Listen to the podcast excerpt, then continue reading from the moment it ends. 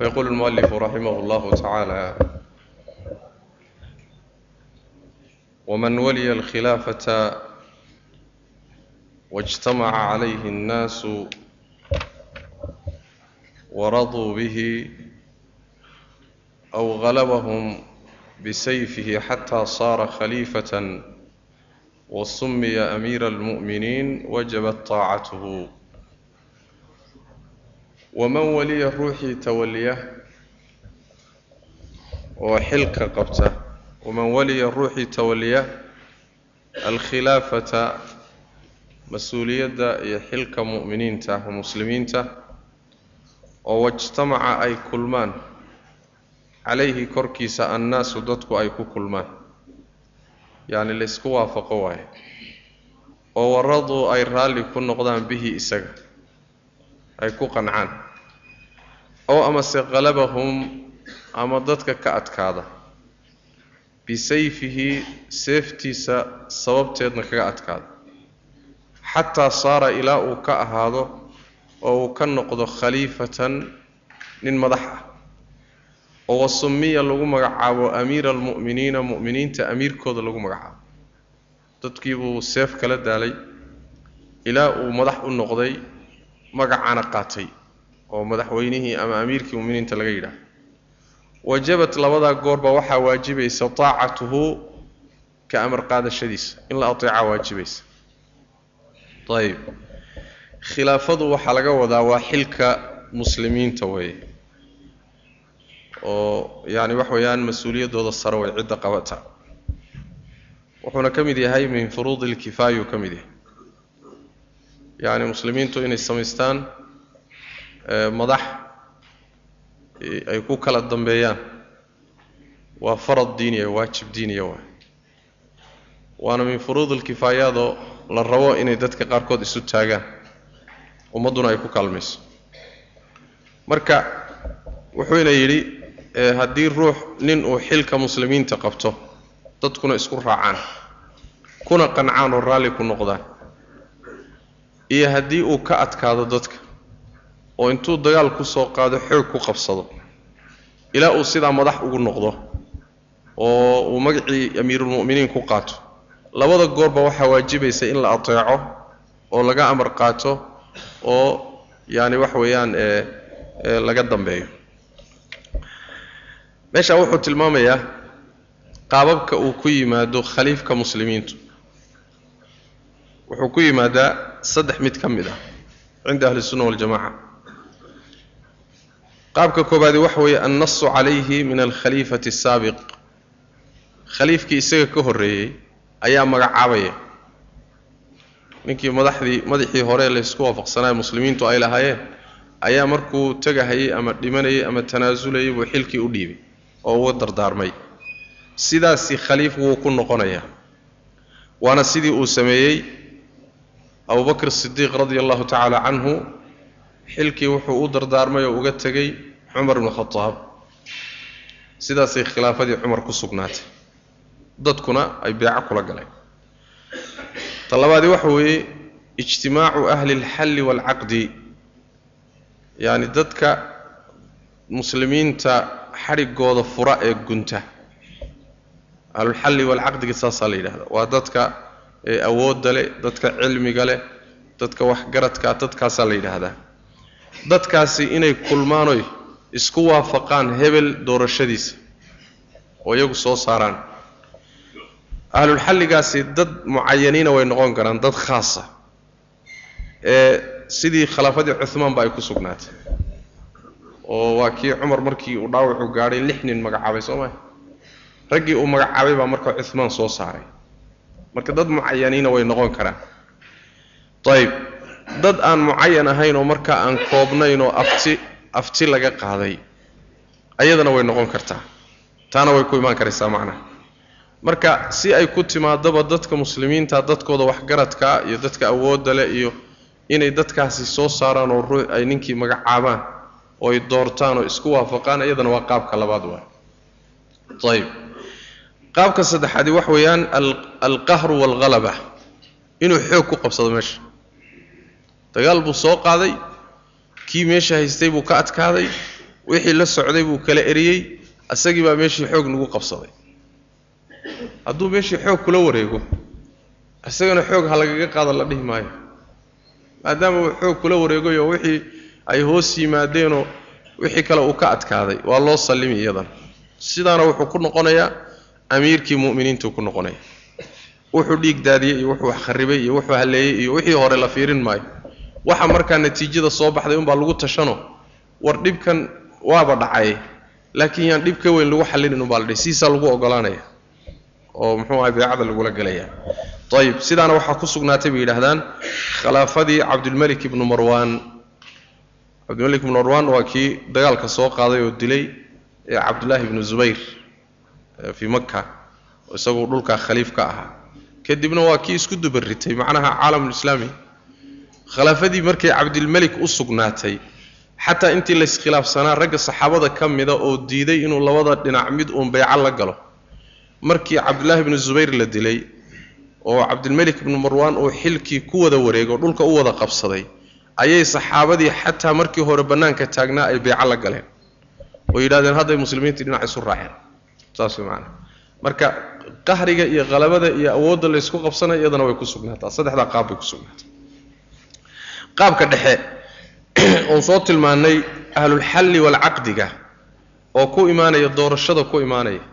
Ayaa dadka qaarkood waxay isku khaldaan asaga iyo nidaamkan dimuqraatiyada la yidhaahdo. Doorashada dimuqraatiyada. Furuuq baana udhaxaysa furuuq waaweyn baa udhaxaysa oon sahlanayn. Oo furuuqdaasi waxaa ka mid a islaamka doorashadiisa madaxda la dooranayo dadka sufahadeen waxgaradka ahayn doorashada kuma jiraan. Dadka wax dooranaya waa dad wax garanaya waa dad wax miisaami kara waa dad wax kala sooci kara waa dad garan kara saalixa iyo aslaxa.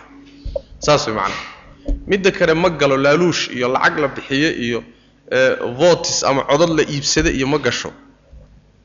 Dadka wax dooranayana waa dad waxgaradoo wacyi leh oo dadkii sufahadii wax magaradku kuma jiraan doorashadooduna waa doorasho nasiihoo lacag iyo aan waxba la isticmaalaynin iyo ruux muxuu ahaay is-ammaano oo wuxuusan ahayn iska dhiga iyo ma jirto taswiir iyo ma jirto muxuu ahay been ma jirto. Mujtamacaas intooda waxgaradkaabaa wixii loo bandhigayaa ciday soo saaraan. Markaasi wax weeyaan sidaasi waa waa muxuu ahay waa ku imaanaya.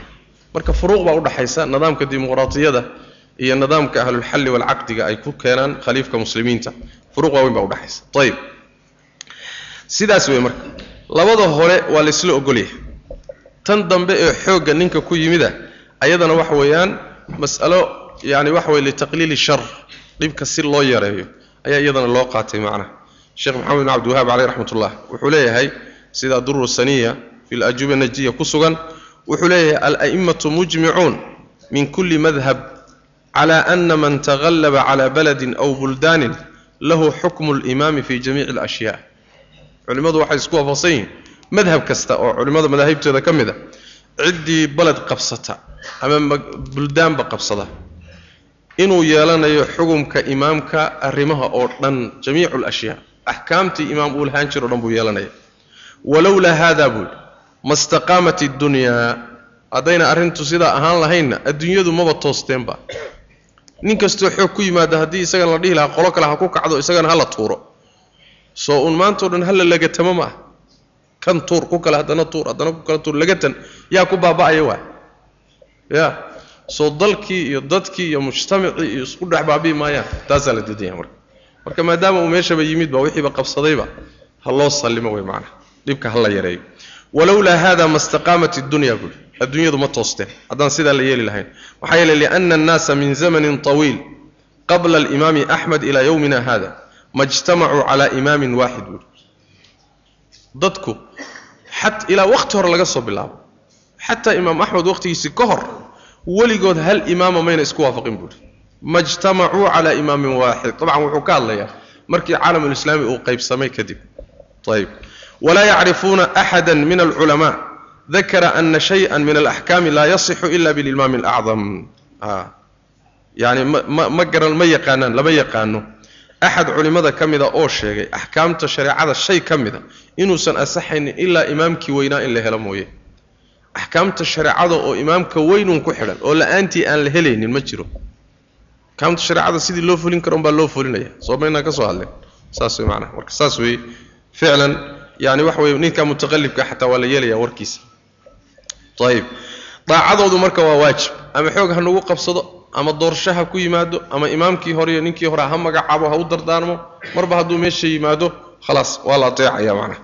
Axaadiista ku soo aroortayna qaarna waa soo marnay. Waxaa ka mid ah xadiidu abi darin wuxuu yidhi ina khaliilii awsaanii an asmaca wa aiic aw utiic wain kana cabdan mujadaca alatraaf saaxiibkay nebi maxamed sal ly slm aan jeclaa wuxuu ii dardaarmay inaan maqlo madaxda oo aan ka amar qaato. Xataa ninkaa madaxdii haba noqdo addoon xubno googo-an mujadaca waxa weeyaan ay xubnihiisu googo-an yihiin dhagaha go-an oo sanka go-an oo xataa gacmo googo-an oo xataa addoon isagoo dhanba wada tacbaana ha ahaadee asalkiisana addoon aba. Oo dadkan laleeyahayba ha noqdee marba hadduu madax noqdo maqal oo yeel baa leeyahy wuxuu dooniba ha ahaado markiisii hore. Sidaasuu nabigu ii dardaarmay buu uhi salawatu rabbi wasalaamu caleyh ayib quyuudda ku xidhani waxa weeye oo shardi ah. Marka la ateecayo waa kaa soo sheegnayo waa inuusan macsiyo ku farin. Soo ma hadduu macsiyo ku faro wixii kale ee khayra waad ku ateeci laakiin macsiyadaa iyada ah kaga amar qaadan maysa. Waad ku diidi. Allahuma de inaad inaad isuba mooye markaad isu baqdo ruqsada waad qaadan kartaa markaa laakiin haddaadan isu baqin ka amar qaadan maysa. Ama haddaad ka dhuuman karto waad ka dhuuman. Wixii macsiyaa lagu raaci maayo ayib waxaa kale oo shardi iyadana marka la ateecayo inuu dadka ku hogaaminayo ilaahay kitaabkiisa. Sidaas iyadana waxay ku timid xadiid fii saxiix muslim ku yimid min xadiid ummi xusayn iyo keyrkeedba uu nebigu uri sal lla lay wasalam addoonkaasi ateeca yacni waxa weeye shardi wuxuu ga dhigay yaquudukum bikitaab illah ama maa qaadakum bikitaab illah intuu kitaab ilaahay idinku hogaaminayo waayo hadduu kitaabka ilaahay meel intuu iska dhigo dastuur iyo waxaan macno lahayn meesha la yimaado. Dee markaasi taaco ma leh. Markaa taaco ma leh leanna waxa weeyaan kitaabka ilaahay baa hadduu tuuray. Qaydka xadiiska ku jiraayo wuxuu tilmaamayaa taaco waxay leeyihiin intay kitaabka ilaahay hayaan. Macnaheedu maaha kitaabkii boqolkiiba boqol waa inay hayaan. Laakiin muhimaddu waxa waa inayna kitaabkii wax ku bedelanin oo nidaamka iyo dastuurka waddanka u yaalla waa inuu kitaabkii yahay waa inuu qur'aanka yahay. Sidaa markuu yahay tatbiiqa la tabaqayo. Markaa khilaaf waa geli karaa khilaaf waa geli karaa waxaan ka wadaa bimacnaa khalad baa geli kara. Yacni hawa ruuxa qaadi karta hunguri baa qaadi kara ee xashaa qaadi karta. Laakiin mabda'a guud ee maxaakimta u yaalla ee waddanka ku socda waa inuu kitaabka ilaahay intuu kitaabka ilahay idinku hogaaminayo ateeca buu nabigu uri salawatu rabbi wasalaamu caleyh xadiidkaas isagana waa sugay waxaa kaloo iyadana shardi ah marka la ateecayo oo laga amar qaadanayo ayadana oo la leeyahay laguma laguma bixi karayo taacadiisu waa waajib iyadana shuruud kale iyo quyuud kale leedahay oo qaarkood uu sheekhu soo wado. Waman waliya ruuxii tawaliya alkhilaafata xilka muslimiinta oo wajtamaca calayhi uu korkiisa ku kulmaano isku waafaqaan annaasu dadkii oo waraduu ay raalli ku noqdaan bihi isaga aw amase qalabahum ama ka adkaada dadka bisayfii seeftiisa kaga qaalib noqda xataa saara ilaa uu noqdo khaliifatan nin madaxa oo wa sumiya lagu magacaabo amiira almu'miniinana lagu magacaabo. Wa xataa sumiya waay ilaa lagu magacaabo amiira almu'miniin. Amiira almu'miniin magacaasi sharti ma ahee ama boqor dheh ama ra'iis iyo madaxweyne dheh. Adiga magaca markaa loo yaqaano ninka madaxda. Ilaan mar waxaa la dhihi waa khaliif. Meelaha qaarkood waxaa laga dhihi waa amiir. Meelaha qaarkood waxaa laga dhihi caahil meelaha qaarkood waxaa laga dhihi waa waa melig meel waxaa laga dhihi waa ra'iis. Meel xaakim.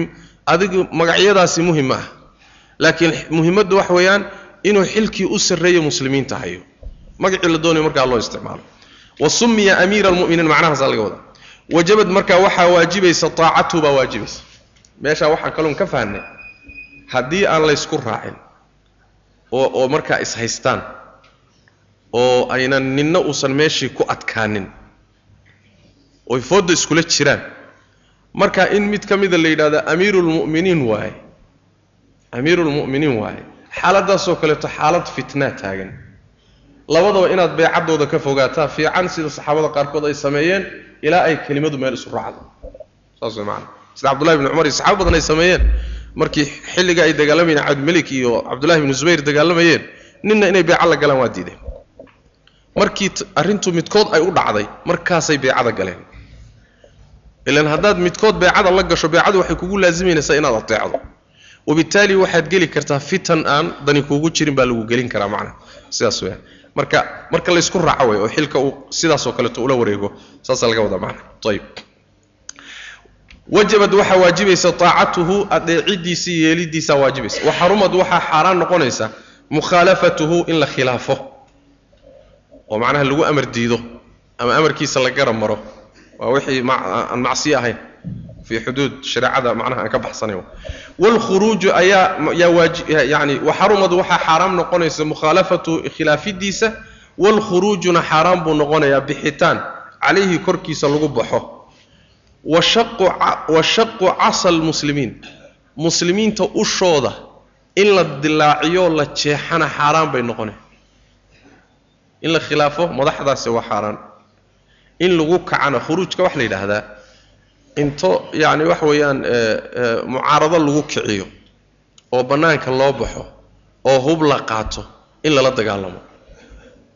Taasaa la yidhahdaa macnaha inta badan waxaa loo isticmaalaa mucaaradada hubaysan baa khuruujka la yidhahdaa. Haddii ay gudaha tahay oo kacdoon uu yahay ayna ka dhalan karto in uu dagaal iyo gacanka hadal yimaado iyada lafteeda khuruuj way noqon kartaa. Oo waa bawaadirtiisii wey macnaha marka in lagu kaco lagu baxana ayadana xaaraanay noqonay waxaa kaloo xaaraan noqonaysa oo ka dhalanaysa markii lagu kaco shaqu casal muslimiin. Muslimiinta ushoodoo la dilaaciyo. Waxaa laga wadaa muslimiinta midnimadoodoo la kala jabiyo. Xadiiska nebiga ku timi sal ly waslam yacani hadduu idin yimaado idinkoo wada jira nin doonayo inuu kelimadiinna qaybiyo ushiinaa midaysanna kala jeexo oo laba laba iyo ka badan ka dhigo dila buu nebigu uri sal lay wasalam kaa'inan man kaana ninkuu dooniba ha noqde ilaahumuu sheekh caalimana noqdo. Marba hadduu muslimiinta wada socota kala jabinayo balaayuu wataayo qoorta ha loo casiyo kaas. Ha la soo qabto. Saasuu nabigu uhi salawatu rabbi waslamu caleyh marka shaqu casal muslimiina waxay ka dhalanaysaa markii inta madaxda lagu amar diido oo lagu kaco oo mucaarad lagu noqdo oo lagu baxo oo lala dagaalamo midnimadii sooma jajabayso ushii midaysnayd marka labay noqotay saddex bay noqotay kala jajabta. Saas way macnaa xaaraan wey markaas macnaa waana natiijo ka dhalanaysa khuruuj ka dhalanaysa wey ayib khuruujkaasi marka ma bannaana. Iyo arrimaha sheekhu uu tilmaamay axaadiis baa iyadana ku soo aroortay. Oo uu ka mid yahay maalan xadiidka cabdillahi bni cabbaas radia allahu canhu nebigu wuxu uhi sal lla lay waslam man ra'aa min amiirihi shay-an yakrahuhu falyasbir calayhi ruuxii amiirkiisa iyo madaxdiisa ka arka wuxuu dhibsanayo ha u sabro ha dulqaato maxaa yeele fa innahu man faaraqa aljamaacata shibran wada jirka muslimiinta madaxdoodaa iyo raciyadoodaa wada jira ruuxii ka dhex baxa. Walow taakana ha noqdee wax yarna ha noqdee ruuxii khilaafo ka dhex baxa. Fa maata ilaa maata miitatan jaahiliya bu nabi sal lay slm oo sidaa ku dhinta wuxuu dhimanayaa qaab dhimasho jaahili ah qaabka uu u dhintay waa qaabkii jaahiliyadu u dhiman jirtay maxaa laga wadaa ibni abi jamra iyo ibni xajar iyo waxay ku fasirayaan ruuxu markuu ka shaqeeyo xadhiggii ummaddu guntatay iyo heshiiskii ay madaxda la gashay inuu furo. Walow wax yarna ha noqoto xataa qadra shibrin waxa laga wada wax yarna ha noqotee oo uu sidaa ku dhinto isagoo imaamkii wada jirkii muslimiinta ka dhex baxaya sidaa hadduu ku dhinto wuxuu dhimanayaa dhimashadiisu waxay u eg tahay dhimashadii jaahiliyada lagama wado siduu ibnu xajar leeyahay wuu gaaloobe laakiin wuxuu ku dhimanayaa dembi weyn korkiisa. Leanna islaamku markuu soo baxay muslimiinta waxaa laga dhigay madax iyo raciyad madaxdu xuquuq bay leeyihiin raciyadduna xuquuq bay leeyihiin raciyaddu marka waa inay madaxda kula jirto beeca iyo daaca kula jirto. Haddii ruuxu uu isaga oo nidaam jiro nidaamkii ka hoos baxo oo isagoon beeca ku jirin meelaha ku dhinto jaahiliyadii bannaanada ku dhiman jirtoo kale waayo leanna islaamka ka hor baa carabtu waxay ahayd jaahiliyadeeda ma jirin wax kala dambayna. Imaara ma jirin. Amiirna maba aynan aqooninba sidaa dadka muxuu ahaa iska xoolo dhaqatada isagaba badan yihiin waaye marka shareecadu markay timid waxaa la yidhi ruuxu waa inuu beeco galo waa inuu caqdi galo waa inuu ballan galo waa inuu amiirka hoos tago. Haddaad ka dhex baxdood fallaagowdo hadde markaasi waxa way saa ku dhimato waxaad ku dhimanaysaa qaabkii ay jaahiliyadu u dhiman jirtay qaab ka mid a macna waxaa ka mid ah xadiista macnaha kutusaya xadiidka cabdillahi bn mascuud radi allahu canhu. Nebigu wuxu uhi sal lla lay xadiidkaasi horta waxaa soo saaray wariyey. Kaa hore bukhari muslim waa soo saaray. Waxaa ka mid a xadiidka cabdillahi bn mascuud oo rasuulku uri sal lla lay innaha satakunu bacdii ahara gadaashayda waxaa ahaan doonta la gooni noqosho. Aharada waxaa la yidhaahdaa alikhtisaas yacni biumuuri addunya aw biumuuri alcaama wixii dadku lahaayeen inaad gooni isaga dhigto. Kursigii ummaddu ay lahayd baad adigi iyo iyo reerkaagii iyo ehelkiinaa gooni isaga dhigay. Xoolihii ummaddu ay lahayd baad gooni isaga dhigtay. Xuquuqdii dadka ka dhexeeyey baad la gooni noqotay. Arrimo noocaasoo kalea dhici doona buu nabir sal lla lay waslam wa umuurun tunkiruunaha iyo arrimo aad inkiri doontaan arrimo aad diidi doontaan oo qoonsan doontaan baa imaan doona markaase uhi ya rasuula allah kayfa ta'muruna? Kayfa ta'muru man adraka mina dalika ruuxanagii arrimaha aad ka hadlayso gaadha oo cimri ku simo maxaad amraysaa maxaad kula talinaysaa muxuu samaynaya markaasaa nebigu wuxu uhi sal lay waslam tu'adduuna alxaqa aladii calaykum. Waxaad gudanaysaan xaqa ay idinku leeyihiin. Madaxdu xaqa idinku leeyihiin oo maxay ah? Alsamcu waaaca waay soo ma? In la maqlo laga amar qaato xaqaasi waa kukugu leeyahy xaqiisa sii ayb. Watas'aluuna allaha aladii lakum. Xaqii idinku aad lahaydeenoo iyaga aad ku lahaydeenna allaad weydiisanaysaan. Laakiin hadday masaladu noqoto mindi mindi ku tag. Oo markuu muxuu ahay afar ii geysta shan baan u geysta oo xaqaygiiba hadduusan isinin aniguna kiisa ma siinahay. Oo la kala ficillo qaato. Maxaa hallaabay maxaa hagaagaya way marka soo ma? A soomaalida waxay haddaan la kala rooraanihe roomado yani waxay ka wadaan haddaan la kala roonaanin oon yani wax wax laysu ogolaanin fasaad baa dhacaya wa fasaadkaasina wuxuu keenayaa in raxmada rabbiya khayrkuba meesha ka baxo marka sidaas weeyaan. Marka waa in adiga xuquuqdoodiina aad siiso waxa kaa maqanna allow iga sii inaad tidhaahdo wa haddaad weyda soomaha sabir dulqaado dhib ka weyn ha keenin. Dhibka hadda adigu kugu simaya laga yaabo hal qoys buu gooni u dulminayaa. Laga yaabo koox buu gooni u dulminayaa laakiin markii ay noqoto dhibkii waan ka dhiidhinaynaa waan iska celinaynaa. Dhibkii waa ballaaranaya ummadoo dhan iyo dalkii o dhan buu gaadhaya. Marka mushkilo ka weyn baad abuurtay. Inaad iska dulqaadato iska sabirtaa fiican. Xadiidkaasi bukhaari muslim baa kadalika soo saaray lafdigaana muslim baa iskale xadiista macnaha kutusaysa marka in la ateeco oo muxuu ahaayey aan lagu bixin oo aan la kala jebinin ummadda way fara badantah calqamat bnu waidin xadrami aabihii sidoo kale wuxuu ka warinaya inuu weydiiyey salamata bnu yaziidin aljucfi rasuulku weydiiyey sal lay markaasuu yihi ya nabiy allah ara'ayta in qaamat calayna umaraa yas'aluuna xaqahum wayamnacuunana xaqana wayamnacuuna xaqana. Bal ka warramay rasuulka ilaahay oo hadday yimaadaan madax xaqoodiina weydiisanayoo naga raba. Xaqanagiina noo diidaya. Famaa ta'murunaa maxaad nagula talinaysaa na amraysa.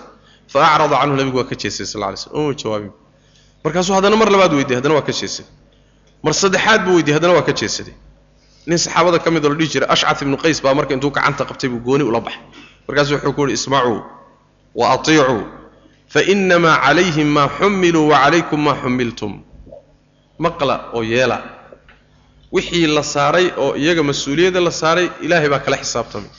Idinkana wixii laydin saaray buu alla idinkala xisaabtamay. Laakiin ha ficiltamina mindi middu ku taagayayna noqonine adiga xilkaagii gudo waajibkaagii gudo maqal oo dhegayso ka amar qaado waxa kaaga maqan soo maa maxkamadda rabbi la sug. Inta ka horraysana ilaahu iga sii dheh. Ilaahu noo hagaaji dheh. Bari alla tabaaraka wa tacaala saas way maanaa xadiista macnaha kutusoo barbanta saxiix muslim baa xadiiskaas ayuu ku yaallaa. Ayib. Marka waalkhuruuju calayhim bixitaan in lagu baxana waa xaaraam in lagu baxo oo seef loo qaado hub loo qaado fallaaga lagu noqdana iyaduna waa xaaraam masaladaasi waxa uu ku radinayaa laba qolo. Laba qolo. Qolyo waa khawaarijta iyo muctasilada wada socda. Oo waxay rumaysan yihiin madaxdu hadday khaldamaan. Khaladkoodu xataa dembi aan gaalnimo gaadhsiina ha noqo haddayba khalad galaan waa in seef loo qaato oo lagu kaco. Madhab alkhawaarij walmuctasila waay usuusha muctasilada waxaa ka mid ah asal la yidhaahdo almru bilmacruuf wannahyu can ilmunkar muctasiladu asalkaa waxay ka wadaan in madaxda hub loo qaato markay khaldamaan seef lagu toosiyo. Fallaago bannaanka loo baxo qacda laga saaro. Alamru bilmacruuf wannahyu can ilmunkar asalkaasi waxay ka wadaan macnahaasay u yaqaanaan.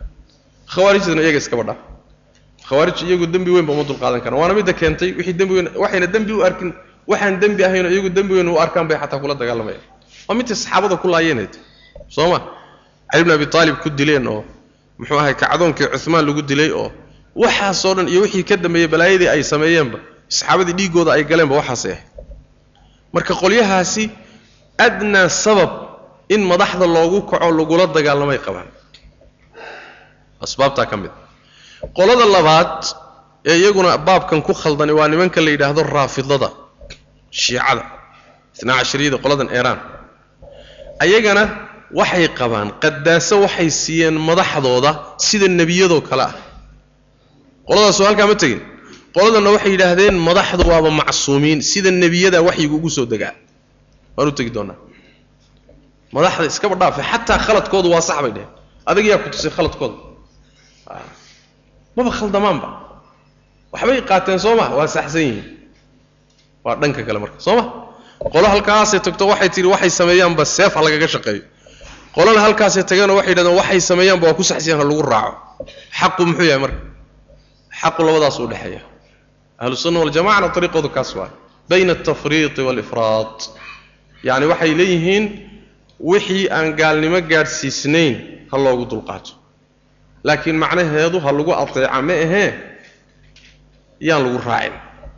See loola dhaqmaya waa ka hadli doona insha allahu tacala labadaa qolaa marka lagu khilaafayaa asalkaa isagan hadda taqriirinay. Ayib khuruujka marka uu aan lagu baxaynin. Waxa sharti ah. Waa intayna gaalnimo ku dhicin hadday gaaloobaan oo diinta ka baxaan markaasi waa lagu bixi. Xadiidka nabigay ku caddahay salawatu rabbi wasalam caleyh cibaadat bnu saamit nabigaa noo dhawaaqay buu yidhi fabaayacnaahu markaasaan la mubaayacoonnay. Fa kaana fima akhada calayna waxyaaluhu nebigu ballanta nagaga qaaday waxaa ka mid a an baayacnaahu cala alsamci waataaca inaan nebiga ballan kula gallay inaan madaxda maqlayno oon warkooda yeelayno ateecayno fii manshatina wa makrahina yacni xaaladda aanu dhibsanayno iyo xaaladda aanu ku faraxsannahayba wa cusrina wa yusrina hadday nagu culus tahay iyo hadday noo fududahayba inaan ka amar qaadano wa aharatin calayna haddii xataa nagala gooni noqdaan waxaanu xaq u lahayn. Oy nagala khaas noqdaan ama dad gooniya ku khaasina ama iyagaaba khaas u qaatayba. Xataa xaaladdaa inaanu maqallo oon yeelloon ka dambayno wa an laa nunaasica almra ahlahu. Taladana inaanan dadkeeda ku qabsanin. Dad baa talada haya. Inaadan kula murmin ku qabsanin laacin raadinin. Taana waa nabiguna waana amray salawatu rabbi waslamu caleyh markaasaa wuxuu yidhi ilaa an tarow kufran bawaaxan cindakum min allahi fiihi burhaan inaabad aragtaan gaalnimo cad sina aynan u baahnayn ijtihaad iyo raaraadin iyo istimbaada ay tahay burhaanteediiyo xujadeedu bannaanka iska taallo burhaantaasina xagga rabbi ay ka timidoo waxay ila tahay aysan ahayn. Intaa markay heshaan oy ku dhacaan markaasay suuroobi kartaa in lagu baxo. Laakiin inta ka horrayso ina gaalnimo ku dhicin maya waay macna. Xadiidkaasi waxaa wariyey alimaam albukhaari wa muslim ayaa wariyey xadiista qaarkood waxay tilmaamaysaa intay salaada ay oogayaan. Oo xadiidka cawf ibn malik ee uu imaam muslim soo saaray ayaa macnaha tilmaamaya oo nebigu wuxu uhi sal lay waslam madaxdiinna akhyaartoodu waxa weeye kuwa aad jeceshihiin iyaguna idin jecel. Aad u ducaysaan iyaguna idin duceeya. Madaxdiinna kuwooda shar kalehee khayrlaawayaashuna waxa weeye waa kuwa aad necab tihiin iyaguna idin necab aad habaartaan ood lacnadaan iyaguna idin lacnada intaa markuu nebigu ku yidhi saxabadu waxay ya rasuula allah afalaa nunaabiduhum bisayf? Marba haddii meesha layshabaarahayo oo layslacnadayo oo laysnacab yahay dee nimankaasi maaman seef u qaadannaba? Maaman kala fiiqnaba hawshooda? Maxay meesha noogu taagtaagan yihiin haddaaman heerkaa isla gaadhnayba dad isnacayoo haddana ishabaarayo islacnadaya maxay noo dul taagan yihiin maan meesha ka saarno. Markaasaa nebigu wuxuu yihi salawatu rabbi waslamu calayh laa maa aqaamuu fiikum asalaa maya seef ha u qaadanina dagaalna ha la gelina hana ku fallaagoobina ha ku kicina intay salaada toosinayaan dhexdiinna. Saas maana intay salaada toosinayaan dhexdiinna maya u dulqaata. Saas maanaa marka intay salaada toosinayaan kitaab ilaahay intay idinku dhaqayaan muxuu ahaayey inta aydan gaalnimo cad oo burhaan cad leh ayna ku dhicin. Quyuuddaasi waxay tilmaamaysaa heerkaa inay gaadhaan mooyaane inaan lagu kaci karin. Wate heerkaa markay gaadhaan oo salaaddii ka tagaan oo dayacaan oo kitaabka ilaahay tuuraan oo muxuu ahaayey diintiiba ay dee ayba ka dhex siibtaan. Markaa wax laabani ma jira way maanaha marka wax laabani ma jiro. Marka quyuuddaas axaadiistaasaa marka qeydaysa axaadiistaasi waxay ku qeydaysaa waxay qeydaysaa xilliga aan lagu bixi karin. Xilligaasi gaalnimada ay ku dhaceen oo diinta ka tageen oo gaalnimada bannaanka taalla ay ku dhaceen markaasi xadiidta daahirkeeda waxaa ka muuqata waa lagu bixi karaa. Laakiin markaa lafteeda waxay u baahan tahay in la qadaro oo la qiimeeyo kicitaanka markaa lagu kacayaay. Ee maxaa mafsado ka dhalan karta? Maxaase maslaxoo ka imaan karta? Marbaa iyagoo gaalaa oo na kor saaran. Ayaa haddana waxaa imaanaysa in loo sabro. Maxaa yeelay haddii lagu kaco waxaa la filaya oo la qiyaasayo raajixa dhiig daata iyo dhul burbura iyo ummad jabta mooye inaan faa'iida ka imaanayn markaasoo kaleeto qaab kalea wax loo xalinaya haddii si fudud laysaga saari karo oo markaasi loo bedeli karayo way fududdaha waa la bedeli haddii kacdoonka lagu kacayo laysleeyahay mafaasidoo la yareeyaa lagu saari karaa oo gaalkan gaaloobay la casili karaa waa la casili laanna gaal allah tabaaraka wa dad mu'miniina gaal madax ugama dhigo soo ma sida qur'aanku tilmaamo marka waa la saari laakiin haddii loo badinayo kacdoonkani muslimiintiiyo tabardar isagiiyo xoog badan wixii unay natiijadu noqon doonto uun dhiig daata iyo dhulkoo burbura iyo qax iyo natiijo la'aan unay ku dambayn doonto markaasi waxa weeyaan nidaamka la burburin maayo isagaa unbaa lagu dadaalay sidii iyo xilligii iyo fudaydkii lagu saari lahaa leanna shareecada yani qawaaciddeeda waaweynba waxay ka mid tahay ficil kastoo lagu tillaabsanayo waa inay maslaxadiisu rajaxan tahay oo mafsadadiisa ka rajaxan tahay. Saas way maanaa waa inay maslaxadiisu xoog badan tahay.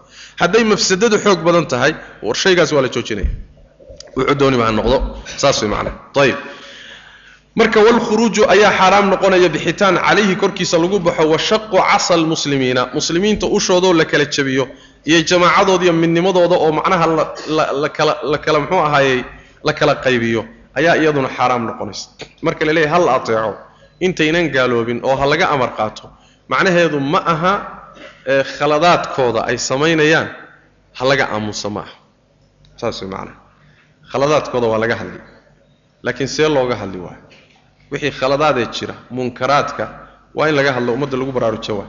Laakiin markii iyaga loo naseexaynayo iyaga markii loo naseexaynayo naseexada loo naseexaynaya xadiista waxaa ku soo aroortay inay si sir ah si qarsoodi ah wax loogu sheego.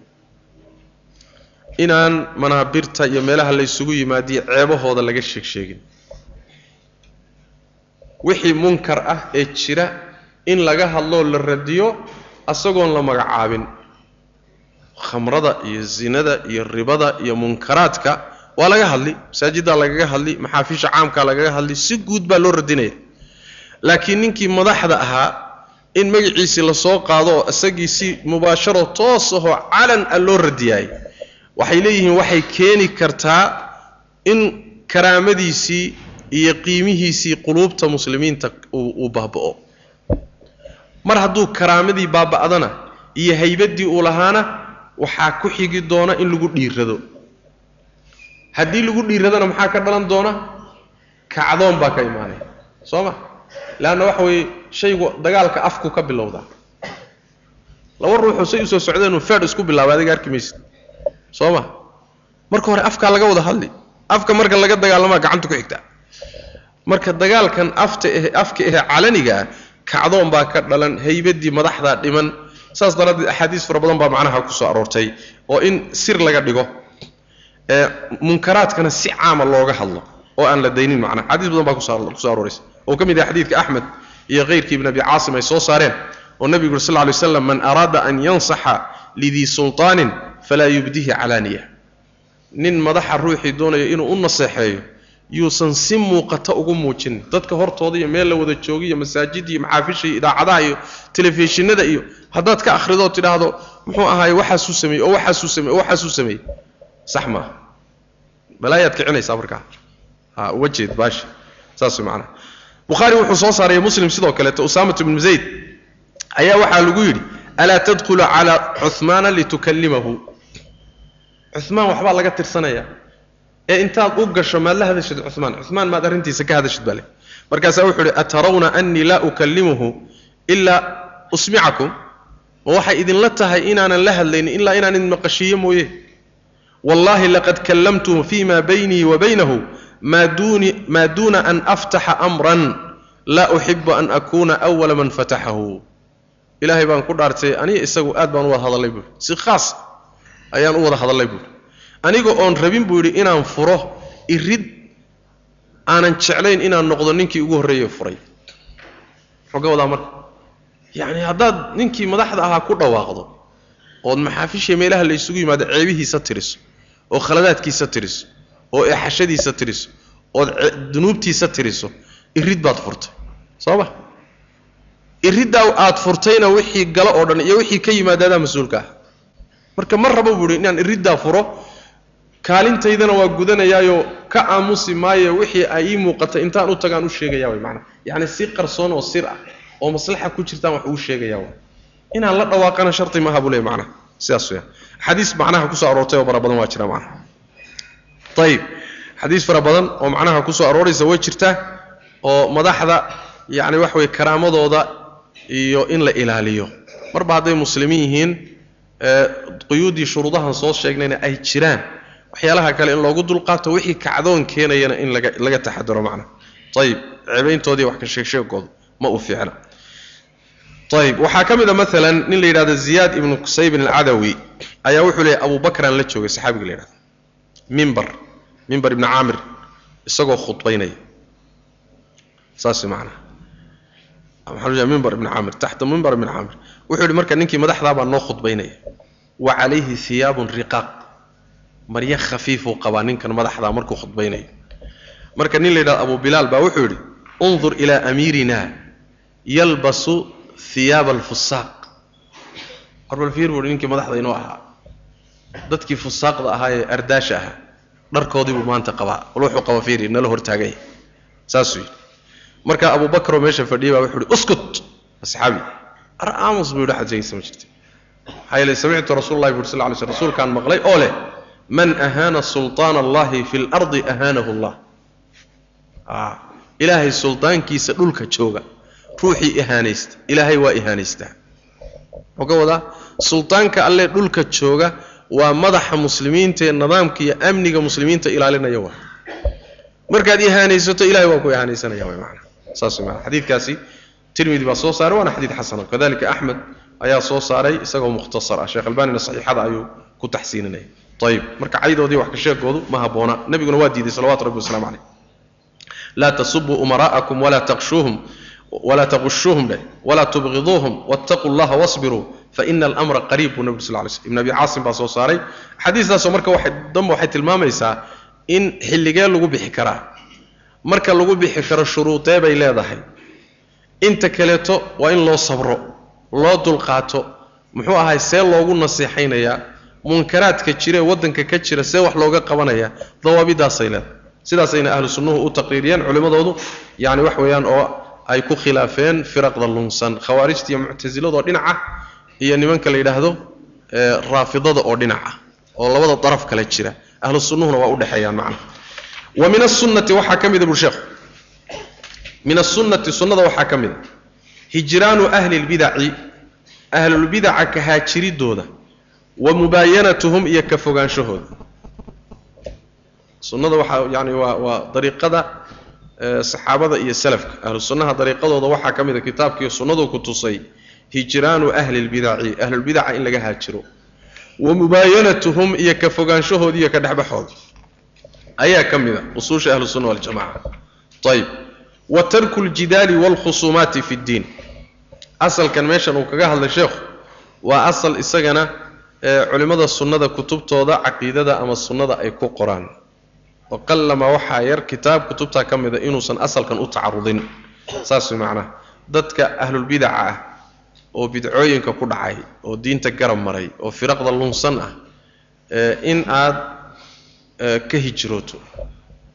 Hijroodka waxaa laga wadaa bimacnaa inaad ka fogaato oodan jeclaanin oodan salaamin oodan la fadhiisanin oodan ziyaaranin ood isaga durugto oodan wax ka dhegaysanin manaasaa laga wadaa ayib inaad isaga cararto yani wax weeyaan waa waa waa waa waa yani dhibka kaaga imaanayaa weyn.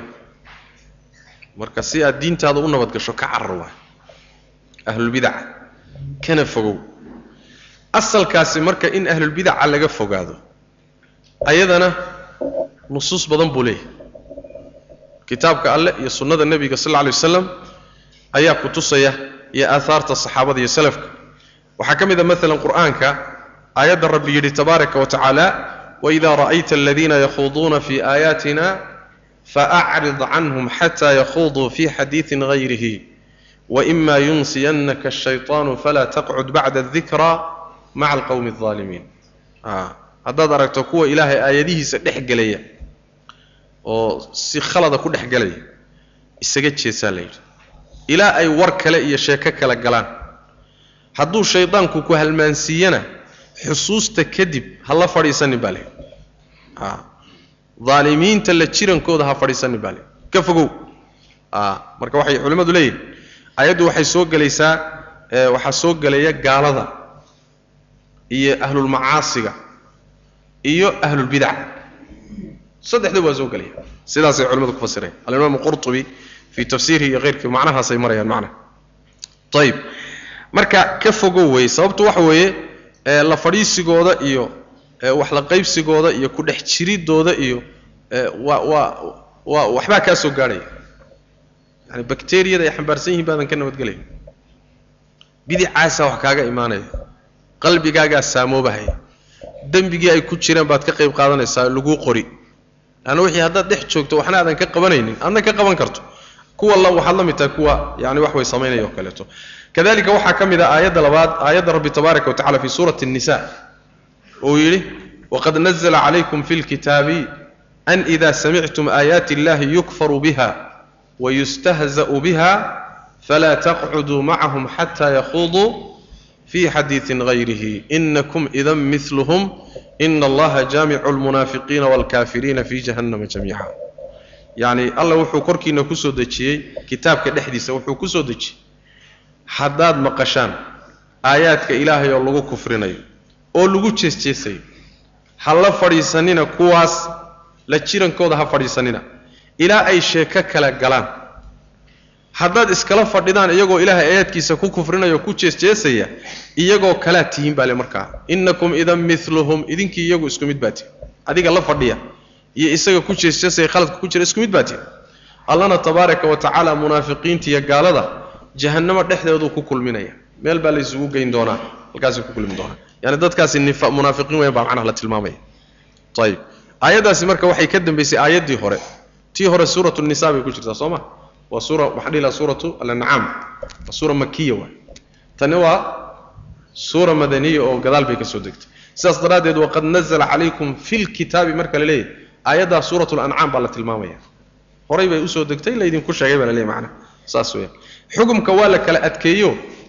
Midda hore waxaa la yidhi oo suuratu lancaam ku jirta waxaa la yidhi waimaa yunsiyannaka ashayطaanu falaa taqcud bacda dikra maca alqowmi alaalimiin baa layidhi haddii shaydaan ku halmaansiiyana mar dambe hala fadhiisanin baa lagu gaabsaday.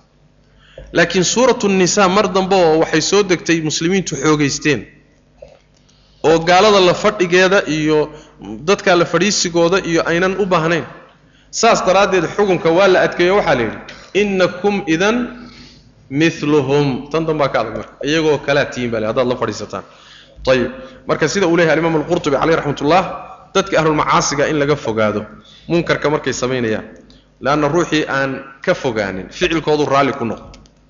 Waalridaa bilkufri kufrun gaalnimada haddaadan adigu samaynin lakiin raalli ku tahay. Waa gaalnimo. Waalridaa bilmacsiyati macsiya. Dembiga haddaadan samaynayn laakiin raalli ku tahay in la sameeyo. Adiga ka samaynaya isku mid baati aad kala duwanta soo ma? Saas weeyaan. Xadiis macnaha tilmaamaysana nabiga way ka sugantahay salawatu rabbi waslamu caleyh marka sidaasi hadday dadka ahlulmacaasigaa sidaas yihiin ahlulbidacu waa ka sii xag jiraan min baabin awlaa say uga sii xag jiraan. Leanna bidcada iyo macsiyada kee daran bidcadaa ka daran bidcadaa ka daran leanna macsiyadu waa dembi ruuxa galaya uu ogyahay inuu dembaabayo laakiin bidcadu waa dembi ruuxa galaya uu moodayo inuu ilaahay adeecayo saasuu ku kalgeysan yahi bidcadu waa dembi laakiin ruuxa ku jira waxay la tahay jannaad kasbanaysaa ilaah baad raalli gelinaysaa waaba isla quman yahay soo ma? A qumanihiisa qoorta ugu jira. Marka way kala adag yihiin wayna kala khatarsan yihiin ibliisna macaasida wuxuu ka jecel yahay bidaca bidacana wuxuu ka jecel yahay gaalnimada. Gaalnimada ugu jecel yahay bidaca ku xiga macaasida waaweyn baa markaa soo raaca saas way macnaha ayib aayaadkaasaa marka loo daliishadaa waxaa ka mid a masalada iyada ah axaadiista kutusaysa waxaa ka mid a xadiid sheekh alalbani caleyh raxmat ullah uu taxsiininayo min xadiidi cabdillahi bni cumar oo rasuulku uri sal lla lay waslam likulli ummatin majuus wamajuusu ummatii aladiina yaquuluuna laa qadar in mariduu falaa tacuuduuhum wain maatuu falaa tashhaduuhum ummad kasta majuus bay leedahay ummaddayda majuusteeduna waa qolyaha yidhaahdaa wax qadar a ma jiro qadarka ilahay inkira somayna soo marin waa qoladee waa qadariyada soo ma qadariya la yidhahda muctasiladana waay muctasile iyo qadariya iyaga waay qolada yidhaahda qadar ma jiro wax ilaahay qorsheeyey oo uu qoondeeyey oo uu qoray oo uu ogaaday ma jiro. Kuwaasi majuustii ummadayda wayaan buu nabi uri sal alay salawatu rabbi waslamu caleyh hadday jiradaan ha booqanina hadday dhintaanna aaskooda ha ka qaybgelina hana xaadirina. Yani ka haajira wey gooya. Xadiid kaloo fii saxiix muslim ku sugan baa loo deliishadaa masaladaasi ama asalka isaga xadiidu abi hurayra oo nebigu uri sal lla lay waslam sayakunu fii ummati sayakunu fii aakhiri ummati naasun yuxadisuunakum maa lam tasmacuu antum walaa aabaa'ukum faiyaakum wa iyaahum buu nabi uri sal lla lay waslam ummaddayda aakhirkeeda waxaa imaan doona dad. Idinka warrami doona waxaydan weligiin maqal. Idinkiiyo aabbayaashiintoona waxaydan weligiin horu maqal bay la imaan doonaan. Idinka iyo iyagaan u kala digayaa buu nabi sal ly slm iska jira. Kuwaas markay soo baxaan waxaan diinta ku jirin diin ka dhigay. Sheekh hebel baa yidhi iyo waanu arki jirnay iyo waxaanu u soo joognay iyo waxaanu culimmada ku arki jirnay iyo waxaan dhaqan u soo lahayn iyo waxay dadku u badan yihiin iyo waxaasuu diinkaaga dhigaya. Dariiqada waxaan ka soo gaarnay buu ku leeyahy warde dariiqa diin ma aha. Sheekha waxaan ka maqli jirnay. De sheekha dad ka maqli jirta diin ma aha. Ha daliil iyo diin ma aha. Waxaasuu marka daldalahayaayo waxaada weligaa arag way diintana aan sal ku lahay waxaasi kuwa sheeg sheegi doonaa imaan doona iska jira rasuulku sal alay waslam saas macana ayib xadiistaasi marka way fara badan tahay macnaha tilmaamaysa oo markaa tilmaamaysa in laga hijroodo dadka arrimaha noocaas oo kale. Xadiidkii caaisha ka mida muttafaqa bukhari muslim ay soo saareen ee markaynu soo maraynay huwa aladii anzala calayka alkitaaba minhu aayaatun muxkamaat somayna soo maray xadiiska waan soo sheegnay bukhari muslim waa soo saaray. Nebigu wuxu uhi sal lay slam faida ra'ayta aladiina yattabicuuna ma tashaabaha minhu faulaa'ika aladiina sama allahu faxdaruuhum markaad aragto qur'aanka mutashaabihiisa kuwa raacraacaya oo muxkamkii qur'aanka asalkiisaa intay ka jeesadaan mutashaabiha shaqo ka dhigto waa firaqda luntaye nebigu wuxuu uhi sal lla lay wasalam kuwaasi waa kuwii alla magacaabay ka taxadara iska jira. Kuwii alla sheegay way iska jiru leh nebigu salawatu rabbi waslamu caleyh bukhari baa soo saaray xadiidkaas. Ayib xadiista macnahaasi tilmaamaysa marka way fara badan tahay. Bal dad aan ahlulbidac ahayn oo macaasi iyo dunuub uun ku dhacay buu nebigu ka hijroon jiray. Oo maxaa ka mid ah? Ya waxaa ka mid ah qisadii saddexda nin saxaabiga ahaa ee suuratu muxuu ahaaye suuratu tawba. Allah tabaaraka wa tacala akhirkeeda uu kaga hadlay. Saas way maanaa waa kii laga hijrooday oo konton beri la gooyey konton beri yacni kacab iyo labadiisii saaxiib waa kii la jaray laga aamusay ayib wakadalika nebigu wuxuu ka haajiray zaynab binti jaxsh laba bilood ugu yaraan buu ka haajiray oo gooye nebigu sal lay slam markay safiyo ku tidhi muxuu ahaayey islaantan yahuudiyadda ama siinahay? Xadiisaa ku soo arooray laakiin sanadkiisa dacfi baa ku jira. Camaar ibnu yaasirna nebigu waa ka haajiray mar buu isagana ka haajiray. Yani waxa weye wuxuu ku arkay khaluuq cadar aan fiicnayn iyo mxuu baalkan wax udgoonka laysmariyo oo ragga aan loo ogolayn nebigu waa ka haajiray ilaa uu iska soo dhaqay. Marka haddiiba ay mashruuc tahay dadka ahlulmacaasiga ah ee dunuubta gelaya in laga haajiri karo dadka ahlulbidacana waa ka wax ka xag jirtaa min baabin wlaa saas maanaa min baabin awlaa waa ka sii xag jirtaa macnaa. Ayib saasayna a'immadu baabeeyeen. Laakiin mid baa laga maarmaana in la ogaado mid baa laga maarmaan ah in la ogaado oo middaasi waxay tahay dadka ahlulbidaca goynta la goynayo iyo hijrada laga hijroonayo iyo xaadiistii tiri ruuxa mu'minka xalaal uma aha umana bannaana saddex beri ka badan walaalkii inuu ka hijroodo. Laba waxay kale leeyihiin meelood bay kale leeyihiin axaadiistaas marka lagu leeyahay walaalkaas saddex beri ka badan kama hijroon kartid. Waa markay idin dhex maraan waxyaabo adduunye ah khilaaf aan ahayn muxuu ahay masaa-ishan hadda laga hadlayo baa idin dhex maray. Ha ka hijroonin haddaad ka hijrootona saddex beri ha ka maqnaan wixii ka badan. Amaa hadday mas'aladu tahay diin macaasi buu ku dhacay waa laga kari waayey waa la goynayaa bidac buu ku jiraayo waa la goynayaa hadday mas'aladu taas tahay waxaa laga hijroon karaa saddex beri baad sheegaya muddo intaa ka badan baa laga hijroon karaa. Konton beri buu nabigu ka hijrooday salawatu rabbi waslamu caleyh soo martan marka wax weeyaan waa waa baab ka gedisan waay saas daraaddeed bay a'immadu markay baabaynayaan way soo istinoonayaan qodobkaa way ka reebayaan. Haddaad maalan akhridaan riyaad saalixiinka oo kaleeto alimaamu nawowi caleyh raxmatullah wuxuu leeyahy baabu taxriimi alhujraan. Ama hijraan bayna almuslimiina fowqa alaaati ayaam ila libidcatin fi lmahjuur aw tadaahurin bilfisqi ama bilfusuuq in bidca darteed looga hijroodo ama dunuub uu ku jiro darteed looga hijroodo mooye waxaan sidaas ahayn saddex beri ka badan waa inaan laga hijroodo saas way maanaa marka qeydkaasi waa laga maarmaa marka ayadaha iyo axaadiistaasaa loo deliishadaa aahaarta saxaabaduna macnaha iyaduna way ku tusay oo saxaabatu rasuulillahi sal lay waslam ayaguna sidaasay u tatbiiqiyeen ruuxa macsiyada maalan ku sugan waxoogaa yacni madax adayg lagu arko way ka hijroon jireen. Ahlu bidaca iyaga wayba garaaci jireen. Way edbin jireen macnaha. Way edbin jireen. Oo salafku yani xataa dawladda loo isticmaali jiray qaar la layn jiraa jira markii la kari waayo ru'uusu lmubtadica waa la layn jira xataa wax kale iska dhaaf macnaha waxaa ka mid a maalan aaaarta iyo xadiis aaaarta kutusaysa saxaabada afcaashooda xadiidka cabdullahi bni muqafal ninba wuxuu ku yihi nebigu wuxuu reebay khadfiga. Khadfiga waa waa finiinka. Dhagax yar intaad qaadato inaad aad faniinto ood saas u tuurto. Ama saa u tuurto saa tirahdaba. Khadfigaasuu yidhi nebigu wuu reebay. Maxaa yeelay innaha laa tasiidu saydan walaa tanka'u caduwan ugaarna kuu dili mayso. cadowna dhib gaadhsiin mayso. Soo ma walaakinaha tafqa'u alcayna wa taksiru sinna laakiin ishana waa ridaa iligana waa jabisaa. Soo ma finiin yarood baratood tuurtay. Dhib inbuu la imaana wax dheefa kuusoo kordhin maayo. Soo saas ma? Saas daraaddeed nebigu waa reeba finiinka daa ku yidhi nin. Baa marka meesha jooga wuxuu ihi wamaa ba'su hada buu ku yidhi. Wamaa ba'su hada oo maxaa dhib ku jira a finiin yaroon saa u tuurtuurahayo sheekh maxaa dhiban ku jira?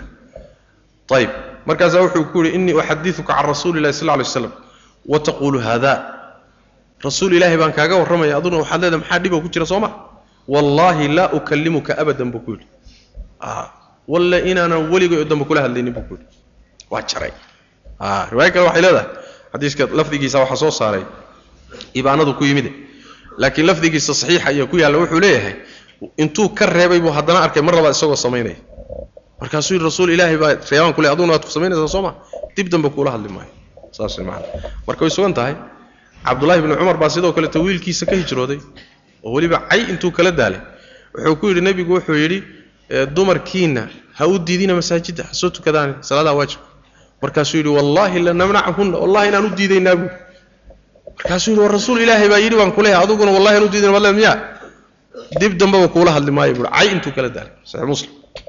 Ayib marka way xadiista yani macnaha kutusaysa way fara badantay waxaa ka mid a maalan xadiidka uu soo saaray alimaamu طabaraani fi lmucjam اlkabiir salim bn cabdillahi bni cumar baa yuu ka warinaya. Wuxuu leeyay waan aroostay cahdigii aabbahay. Aabihi waa cabdullahi bni cumar saxaabigi waa. Aabbahay marka dadkiibuu u yeedhay buui arooskii dadkii ha laga soo qayb galuu yidhi abu ayuubin alansaari baa ka mid ahaa raggii marka loo yeedho arooska loogu yeedhay. Abu ayuub markuu meesha yimid oo gurigii u yimid markiiba wuxuu arkay dadkii waqad sataruu beytii binajaadin akhdar. Binajaadin akhdar. Yacni waxa way bahal sijaayad ah oo cagaaran bay derbiga saareen oo ku astureen. Sida daahiyaha hadda aan guryaha ku wareejin oo kale gurigii arooska ah waaba waaba sharaxan yahayba derbigii waa la qariyey abu ayuub markaasuu wuxuu yidhi muxuu ahaayey wuxuu arkay ibnu cumar oo meesha taagan saxaabi. Faaqbala abu ayuub fadakhala guriguu soo galay. Fara'aanii qaa'iman. Anuu taagan buu arkay buu ihi faalaca fara'a albeyta mustatiran binajaadin aqdar. Hadduuba gurigii galayba bahashaasaaba derbigii lagu asturay. Markaasaa wuxu uhi yaa cabdallah atasturuuna aljudur oo cabdullaahi ow idinku derbiyada miyaad asturtaan derbiyadaad maryaha u xidhaan buu ku yidhi. Markaasaa wuxuu yidhi aabbahay wuxuu yidhi buui wastaxyaa isagoo xishood galay. Waxoogaa haddee waa la qabtay soo ma? Arrin aan fiicnayn baa lagu baraarujiyey. Waxoogaa marka xishood baa galay. Markaasaa wuxuu yidhi halabana annisaa'u yaa aba ayuub. Ha abu ayuub ow dumar baa naga tambatay buu. Dumar ninay ku tacalluqaan. Dumar baa naga adkaaday oo waxan xidhay xidhay buui oo ka kari weyne markaasu wuxuu ku yidhi wuxuu yidhi man khushiya an taglibannahu الnisaa falam akhsha an yaglibannahu an an yaglibannak nin kaloon uga baqaba inay dumar ka adkaadaan adigoo cabdullaahi bni cumar baa dumar kaa adkaanayaan marna ma filaynin buuri nin kale waa laga fili kalaa inay dumar jiidhaan. Laakiin cabdullaahi bni cumar oo saxaabigiiya oo sunnada ku adkaa baa maanta dumar jiidhahayaan kaama filaynin buu ku yidhi. Haye markaasaa wuxuu yidhi laa aطcamu lakum طacaaman walaa adkhulu lakum beytan uma kharaja. Walla inaana cuntatiinana cunaynin. Gurigiinnana aana gelaynin buuhi waana iska noqda khalaas ma warbayaan. Leesh leanna meesha waxaa yaalla waxaan la qumanayn. Waa ka haajiri marka. Xadiidkaasi waa xadiid sanadkiisuu jayid yahay. Sheekh wuxuu ku keenay kitaabkiisa muxuu ahaye uu kaga hadlay muxuu ahaye zawaajka iyo uu kaga hadlay axkaamtiisa kaasuu ku keenay. Waa xadiis marka athar muxuu ahaye sugan wey marka aahaartaasoo dhan waxay kutusaysaa yacni ka hijiroonshada dadka dunuubta gelaya dadka ahlulbidacuna waa ka sii xag jiraan aayadaha qur'aanka iyo axaadiista iyo aahaartaas iyo kuwo kaloo aad u fara badan baa masalada loo deliishadaa waana asal saxiixa oo culimmada sunnadu ay isku waafaqsan yihiin. Taqriiban asalkiisa waa la isku allahuma quyuud iyo dawaabid bay udhigayaan sheekh sababta loo leeyahay marka ha laga haajiro marka la leeyahay ha laga haajiro oo laga fogaado yaan lala fadhiisanin oo yaan la siyaaranin oo ha laga cararo sidii muxuu ahaa ruux cadhaysan oo kaleeto. Ujeeddadu waxa weeye inaad adigu nabad gasho waa kow. Oo markaad dadkaas la fadhiisato suxbadaa iyo la fadhiisigaa iyo la joogiddaasi qalbigaagii jiraa ku dhacaysa. Wixii waa ku saamaynaya. Adigoo toosnaa baa laga yaabaa inaad marka aad afkaartoodii iyo mabaadidoodii aad ku dhacdo. Qalbiga bini aadamkuna waa iska jilicsan yaho. Bayna asbicayni min asaabici araxmaan yuqallibuhu kayfa yashaa. Waa isrogrogaa aamin kama tiid marka inaad wixiiba aad ku saamowdo. Way dhici kartaa. Waana in badan dadka sida ku dhacda wey khaasatan haddayna ruuxa wax badan marka hore u bilownayn. Qodobka labaadi waxa weeye la fadhiisigoodii iyo dhegaysi dhegaysigoodii xidhiidhintooda waxaa loo diidayaa waa nooc tacsiir ah. Tacsiir waaye waa nooc edbin iyo cuquubo ah. Oo waxaa la filayaa in markii la gooyo ay wixii ka soo noqdaan ayagana maslaxiya danbaa ugu jirta. Soo ma ruuxii dembiga ku jiray markii mujtamacu gooyo oo mubtadicii waxba laga dhagaysan waayo oo dadkii ka go'aan oo sidii neef muxuu ahaayey cadho qaba oo kaleeto la takooro. Asagii wax badan bay u taraysaa dib buu isugu noqonaya marka ayagana nooc tacsiiriya edbin bay u tahay. Mujtamaciina nooc waxay u tahay wiqaaye iyo ilaashimay u tahay oo wixii bay ka nabadgelayaan ka badbaadayaan. La fadhiisigooduna nooc qadarin bay u tahay. Oo marka intaad la fadhiisato la ixtiraamo la salaamo la soo booqdo la wadwado waxay u tahay nooc qadarin iyo kor u qaadid ah. Kor u qaadiddaasi iyagana waa dhibaysaa mujtamacana waa dhibaysaa diina waa dhibaysaa. Diintana waa dhibaysaa macnaha asbaabtaasaa marka ku jirto yani yani wax weeyaan xikamkaasaa ku jiro shareecadu ay u jidaynaysaa dawaabid bay leedahay masaladu dawaabid sharciyay leedahay. Marka laga hijroonayo ahlulbidaca dawaabid bay leedahay. Dawaabideeda waxaa ka mid a maalan oo muhiim ah. Shaygu waa inuu bidco yahay. Shaygu waa inuu bidco yahay. Hadday tahay waxyaabaha qaarkood oo ijtihaadi ah oon bidco gaadhsiisnayn ama adiguna ay bidco kula tahay laakiin ayna bidco ahayn markaasi xukumka ma qaadanayso.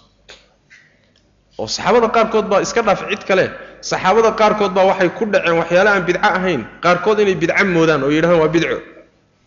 Culimo waaweyn baa waxyaalo aan bidco ahayn oo ama nasku ka qarsoomay ama masaa'il ijtihaadiyaba waxay ku sheegeen waa bidco. Bidcana maaha marka shaygu horta waa in u bidcaya waa qodob. Waa qodobka labaad iyo daabitka labaade ee ruuxa ku dhacay ee shaygan ku dhacay markii mubtadic ahaan loola dhaqmayo loo xukumayo waa inaan kala qaadno bidca min xaysu alcumuum waalnawc iyo bidca min xaysu alacyaan waalashkhaas masaladaa waxbaan ka soo taabanaan u malaynaya. Markaan ka hadlaynay masalatu takfiir. Soomaynaan soo taaban gaalaysiinta ruuxa. Waxaan nidhi shaksiga iyo camalkiisi iyo qowlku waa kala duwan yahay. Ruuxa marka bidca lagu xukumayo waa in la fiiriyo shuruudii ma la helay ruuxa lagu xukumi lahaa mawaanicdii meesha ma ka baxday hadduu muta'awil yahay shubhada ma laga zuuliyey xujada ma lagu oogay wax ma loo caddeeyey maxaa ku bixiyey ruuxa lafahaantiisa marka la xukumayo quyuuddii wuxuu marayaa iyo shuruudii loo dhigay alxukmu cala alacyaan ama marka gaalnimo lagu xukumayo ama marka bidco lagu xukumayo ama marka fisqi lagu xukumayo ama marka dulmi lagu xukumayo axkaamta marka la qaadanayo dawaabideedu waa isku mid halkaana dadka qaar baa gafay. Oo dad weliba fudalo ahoo muxuu ahaayey culimo ah baa iyaguna meeshaa ku gafay. Oo kala qaadi waayey ruuxa bidco ku dhacay iyo mubtadic ku sheegidiisa iyo xukumidiisa kala qaadi waayey. Oo masaladu isaga qasantay. Qeydkaasuna waa qeyd asaasiya oo muhima waana midda uu leeyahay sheekh moxamed naasir iddiin albani caleyh raxmat ullah laysa kullu man waqaca fii bidcatin waqacat ilbidcatu calayh ruux kastoo bidco ku dhacay macnaheedu ma aha inay bidcadii isagana ku dul dhacday ee ruuxiya waxaa kala duwan ficilkiisa ruuxii marka la xukumayo axkaam khaasuu leeyahy qodobkaasi waa muhiim weeye khaasatan yacni waqtigan hadda aan joogno in la ictibaariyo. Daabidka saddexaadi waxa weeye isagana muhimkaa baabkan markii la joogo in la ictibaariyo in la fiiriyo hajriga iyo goynta. Wixii inuu bidco yahay waa la hubaa asagiina inuu mubtadic noqday waa la hubaa. Halla gooyaa timid. Halla gooyadii maxaa maslaxoo ka dhalanaysa maxaase mafsadoo ka dhalanaysa waa in la fiiriyo. Hadday maslaxadeedu raajix tahay baa la qaadan markaa haddayse mafsado raajixa ka dhalanayso madaradii mafsadadu ay raajix tahay markaana la goyn maayo waa la xidhiidhinayaa. Waxayna markaa u noqonaysaa biikhtilaafi alaxwaal waalashkhaas waalbii'aat waalaxwaal arrinta waa kala gedisan tahay mar bay ahlu sunnuhu xoog badan yihiin. Ahlulbidacuna ay daciif yihiin. Goynta la gooyana tacsiir iyo cuquubo ay tahayoo midhaheedii ay ka dhalanaysaa. Mar bay ahlu sunnuhu ducafo yihiin oo meel bay ahlulbidacu ku xoog badan yihiin oo awoodda haystaan. Goyntoodiiyo ka dhexbixidoodu markaasi adigaa khasraan. Soo ma adaa markaa khasaaraya xaaladdu marka waxay u baahan tahay in la qiimeeyo oo la yidhaahdo maxaa maslaxoo ka dhalan maxaa mafsadoo ka dhalan. Ayagaa la goynaya maxaa maslaxo uga dhalan? Adiga ka go'aya maxaa maslaxo imaan? Mujtamaca maxaa maslaxa u noqonaysa? Hadday maslaxadu raajix toosaa lagu qiimeeyo markaasaa hujriga la qaadanaya. Ahlulmacaasiga iyo ahlulbidaca labadaba. Haddiise mafsadadu ay raajix tahay marka in la gooyo ma aha waa la xidhiidhinayaa. Waxaana lagu xidhiidhinayaa in waxa ay ku jiraan laga saaro dariiqaa loo marayaa yani waxa wey fudayd iyo dabacsanaan iyo xidhiidhin iyo dariiqaasaa loo maraya saas way macnaa. Aimada sunnadu saasay u kala qaad masaladaas ruuxii u baahan inuu ka dhergo wuxuu u noqonaya sheekh islam ibnu taymiya caleyh raxmatullah majmuuc alfataawa masalada hajriga dawaabideeda iyo quyuuddeeda sidaasuu u sheegaya. Waana masale muhima wey macnaa. Shaygana sidiisaba haddii quyuuddiisa laga saaro oo dawaabiddii shareecadu u deshiyey shuruudii laga saaro sidiisaba wuxuu isu bedelaa shay aan sharci ahayn masalada maalan ruux gaalnimo ku dhacay gaalaysiintiisu waa masale sharciya soo ma laakiin markii dawaabiddii laga saaro sharcigii waa ka baxaysaa quluwi iyo khuruuj iyo balaayay aadaysaa wakadalika masalada bidca ku xukunkuna waa la midoo dawaabiddii shareecadu u dhigtay haddii laga saaro marka waxay noqonaysaa shay aan ahayn kii shareecadu fartay mafaasidiisaa markaa badanaysa saas macnaa marka in la ilaaliyo waa lagaa maamar waa lagaa maarmaan macnaha wa ljidaali soo waday wa min asunnati waxaa ka mid a hijraanu ahli lbidaci wamubaayanatuhum wa tarku ljidaali baa sunnada ka mid a dariiqada ahlusunna waljamaca ee saxda waxaa ka mid a tarku ljidaali in dooda laga tago. Waalkhusuumaati iyo muranka fi diini diinka dhexdiisa lagu doodayo lagu murmayo. Ayib in muranka iyo qajajacda diinta dhexdeeda layska daayo. Ayib yacni jidaalka iyo khusuumaadku waa isku macno dhow xagga luqa ahaan dooda diinta dhexdeeda ah oo lagu doodayo lagu murmayo. Sida sheekh maxamed ibnu saalixin alcuthaymiin caleyh raxmat ullah uu u kala qaadayo waa laba mid. Inay ujeeddadu tahay dooda marka la doodayo inay ujeeddadu tahay ihbaatu alxaq wa ibtaalu lbaatil in xaqa la sugo baatilkana la buriyo. Sidaa hadday tahay ujeeddada doodu marka waa ma'muur marka waa la amran yahay ama waajib bay noqon ama mustaxib bay noqonaysaa macnaha markaana la is leeyahay midho fiican baa ka imaan. Oo ama khasmigii baa jabaya baatilka watay xaqii baa caddaanaya isagii baa laga yaabaa in la qanciyo midhaa laga gaari karaa. Ujeeddada ruuxa doodayana qasadkiisu waxa way xaqu ha muuqdo baatilkuna ha jabo.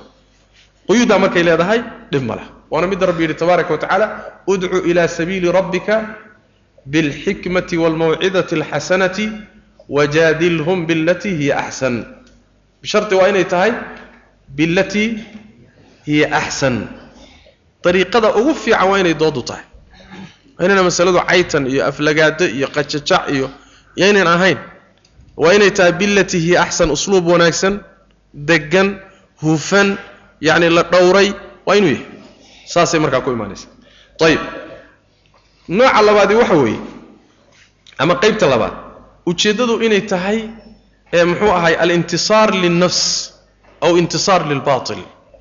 Qasadkaagu waxa weye inaad naftaadu adkaato hebel ka adkow. Hebel jabi ka ree tashafi nooc macnaa waxa weeye naftaada waxaad rabta gaadh ama ma ahe baatil baad wadataayoo baatilkaabaad rabtaa inaad u nusrayso doodaadu waxay ku salaysan tahay baatil inaad xoojiso xaqana jebiso. Markaana labadaas suurana doodu waa xaaraam. Waana imi iyo dembi qabiixa way markaas macna. Oo waa midda aayado fara badan oo qur'aanka ay tilmaamayaan. Maa yujaadilu fi aayaati illahi ila aladiina kafaruu. Wajadaluu bilbaطili liyudxiduu bihi alxaqa faakhadtuhum fakayfa kana ciqaab xaqa inay jebiyaan oo simbirixiyaan bay u doodayaan. Kuwa gaaloobaa qaabkaa u dooda. Sidaasay aayaadku tilmaamayaan. Ayib marka midda laga hadlayo taas waay. Midda laga hadlayo ee la reebaya taa iyadaa way macnaha oo dooda aan la ogolayn waa midda caqiimka. Midda caqiimka ama naftaadaad doonaysaa inaad guulaysato ujeeddo xaqaama ah ama ma ahe baatil baad wadataa laakiin markaad xaq wadato aadna isleedahay doodani xaqii waxbuu ka gaadhaya. Ama faa'iida uga imaanaysa waa waa sugan tahay marka. Qur'aankuna waa sugay sunnaduna waa sugtay aahaarta salafkana waa ku sugan tahay iyo nuqulaadka laga soo guurinaya. Alimaamu laalakayi wuxuu warinayaa xasan lbasri nin baa u yimid. Xasan albasri wuxuu ka warinaya inuu nin u yimid. Markaasaa wuxu uhi abaa saciid innii uriidu an ukhaasimaka. Inaan kula murmaan rabaa buui kula doodo. Markaasaa xasan wuxuu yidhi xasan albasri ilayka canii buu yidhi. War nin iga durug kaxiga fogey dhaafka ku fainii qad caraftu diinii wainamaa yukhaasimuka shaaku fii diinihi buu yidhi.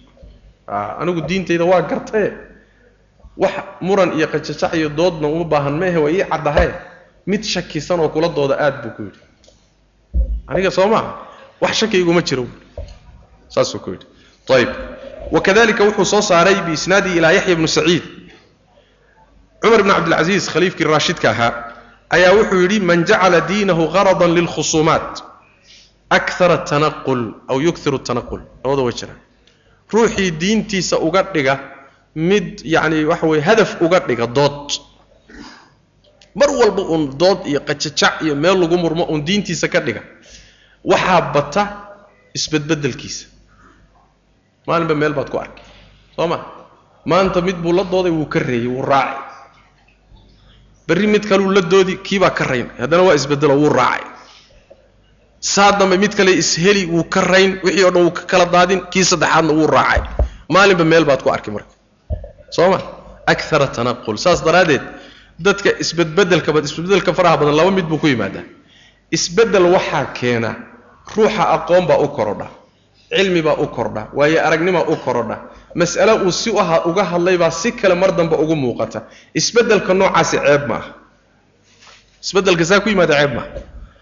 Sidaas daraaddeed ba hadda saaxada waxaa yaalla. Muxuu ahay shalay hebel mowqifkaasuu lahaa. Maantana mowqifkaasuu yeeshay waa ceebaysan yahay. Nin diin laba ma aha war ma aha ma aha bal waxaa ceebaysan ruux intuu mowqif qaatay oo mowqifkii u muuqday inuu khaldanaa aan ka noqonin baa ceebaysan. Soo ma oo a'immada imisa nin a'immada sunnada alimaamu shaafici imisa qowl buu leeyahay. Fii dakhili madhabihi wuxuu leeyahay qowl iyo iyo qowl fi lciraaq qowl buu ku lahaa markuu masar tagayna waxbaa u soo baxo qowl buu yeeshay. Alimaamu axmed fii mas'ala waaxida buu wuxuu ku yeelanayaa afar riwaayuu ku leeyahay afar ra'yi isbedbedel waay. Laakiin waa isbedbedel cilmi ku salaysan waay. Isbedel hawo ku salaysan maaha wakadalika abu xaniifa aimadu sidaas waay. Marka ta laga hadlaya ma aha ruuxu inuu intuu mas'alo si u arkay wakti kadib sidii si kadib u soo baxday uu isbedelay taasi waa ammaan. Waxayna kutusi ruuxa daacadnimadiisii inuu diin wato. Laakiin waxa laga hadlaya waxa weeye ahwaadaasi inay kolba dhinac kuu tuurto ay kolba mid ku qaato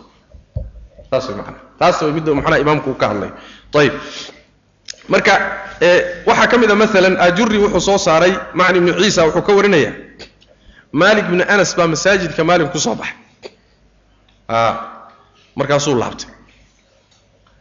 Nin la yidhahdo abu abuljiriya oo irjaa fikirkan irjaaga la yidhahdo lagu tuhmi jiray ayaa marka ka dabagalay markaasu wuxu uhi ya abaa cabdallah ismac minii shay-an ukallimaka bihi aw ukallimuka bihi hal shay inaan kula hadlaan rabaaye hal shay iga dhagaysu ku yidhi. Wa axaajuka wa ukhbiruka bira'yi buu yidhi. Waan kula doodi ra'yigaygana waan kuu sheegi. Ee wax yar ii istaag oo iga dhagaysa buu yidhi. Imaamu maali buu ku leeyay imaamu daar alhijra markaasaa wuxuu yidhi fain qalabtanii fain qalabtanii. Haddaad iga raysa ka warran. Haddaan intaan kula murmo iga adkaato ka warran. Maxaa dhacay? Markaasuu yidhi in qalabtuka tabactanii buu yidhi dee haddaan kaa adkaado waad i raaci. Markaasuu yidhi fain jaءa rajulu aakhar fakallamanaa fahalabanaa buu markaa adiga iga adkaatay innagoo wada socon nin kaloo saddexaad labadeenni hadduu ina wada helo oo labadeenniba inaga adkaadana ka warran dee waynu raaci buu natabichu buu de isagana waynu raaci hadduu doodii inagaga adkaado. Markaasu wuxuu yidhi yani markaasaa wuxuu yidhi malik yaa cabdallah bacaa allahu muxamadan bidiinin waaxid buui warniyo addoon yahu dhegaysa buui ilahay nebi maxamed hal diin buu la soo diray buui wa araaka tantaqilu min diinin ilaa diin buui hal diin baa xaqa jirta buui adigana waxaan ku arkaa buu yidhi inaad diin ka guuraysood mid kale u guuraysood diyaarba u tahay. Maalin walba ninkii kaa adkaaga inaad iska raacdo. Kii kaa adkaadaba inaad raacdo inaad inaad inaad rabtaa ii muuqata buui markaasuu cumar bnu cabdilcasiis aharkii haddaan ka keennay buu keeno wuxuu yidhi man jacala diinahu qaradan lilkhusuumaati akara atanaqul cumar bnu cabdilcasiis wuxuu yidhi ninkii diintiisa dood iyo muranun ka dhiga waxaa bata isbedbedelkiisa iyo gadgadoonkiisa warniyo idhaaf buu ku yidhi. Ajuri baa shareeco ku keenay sanadkiisuna waa xasan aharka isaga. Ahaarta macnaha kutusaysa marka aad bay u fara badan tahay laakiin waxaa laga soo reebayaa oo iyadana muhima inaan mulaaxadayno marka la leeyahay muxuu ahaayey lama lalama doodi karayo. Waxaa laga soo reebaa. Haddii ruuxan uu doonahayo ruux mustarshid ah uu yahay mustarshid yani waa xaqdoon xaq buu doonaya xaqii inuu caddaadu rabaa. Waa ku weydiinaya waad uga jawaabaysaa wuu kula niqaashayaa waana xaqdoon ruuxaasoo kaleeto waxbaa loo caddaynaya. Saas way maanaa wayna sugan tahay nebiga salawaatu rabbi wasalaamu calayh inta loo yimid in su'aala lagu celceliyey oo weliba lagu adkeeyey oo nebigu la socday oo la waday ilaa uu qanciyey. Soo ma? Salafkana way ka sugan tahay in badanoo saas. Marka hadduu ruuxu mustashrid mustarshid yahay oo khayr yahay waa la wadi wakadalika waxaa la mid ah hadduu ruuxu yahay muxuu ahay ra's min ru'uusi dalaal nin oo madax ah oo firqooyinkan lunsan iyo afkaartan lunsan buu madax ku yahay. Afkaartiisu dadka ugu yeedhaya atbaac buu leeyahay. Markaasuu wuxuu leeyahy dadkiina waa waa fidnaynaya dadkiina waa fidnaynaya. Haddii marka ay culimmadu u arkaan in munaadaro lala galo oo lala doodo si xaqu u caddaado ayadana waa bannaan tahay saas way macanaa ayadana waa bannaan tahayoo salafku way sameeyeen. Way sameeyeenoo ahlulfiraqa madaxdooda majaalis baa marmarka qaarkood qaarkood ku kulmiyey intay ku doodeen ay ku jabiyeen ayadana waa macnaha wax weeye macno saxa waaye. Markuu imaam mutabac yaho la raacsan yahay ayadana waxay ku xidhan tahay oo daabit ah maxaa laga rajaynayaa? Mar walba tilaabo kastoo la qaadaya waa inuu yahay daabitka asaasiga ah. Maxaa maslaxoo ka soo baxaysa maxaase mafsado ka dhalanaysa qaydkaasi iyo daabitkaasi waa daabidka asaasigee axkaamta shareecado dhante ay u noqonaysa man marka sidaas weyaan wa tarku ljidaali doodka tegitaankeeda ayaa sunnada ka mid a waalkhusuumaati iyo muranyaalka fi diini diinka dhexdiisa lagu muro. Saas wey maana waa markii dawaabidaa iyo quyuudaasi ay leedahay. Hada wabilahi towfiiq wasali allahuma wslam cala nabiyina mxamedi wala alih w saxbi wslm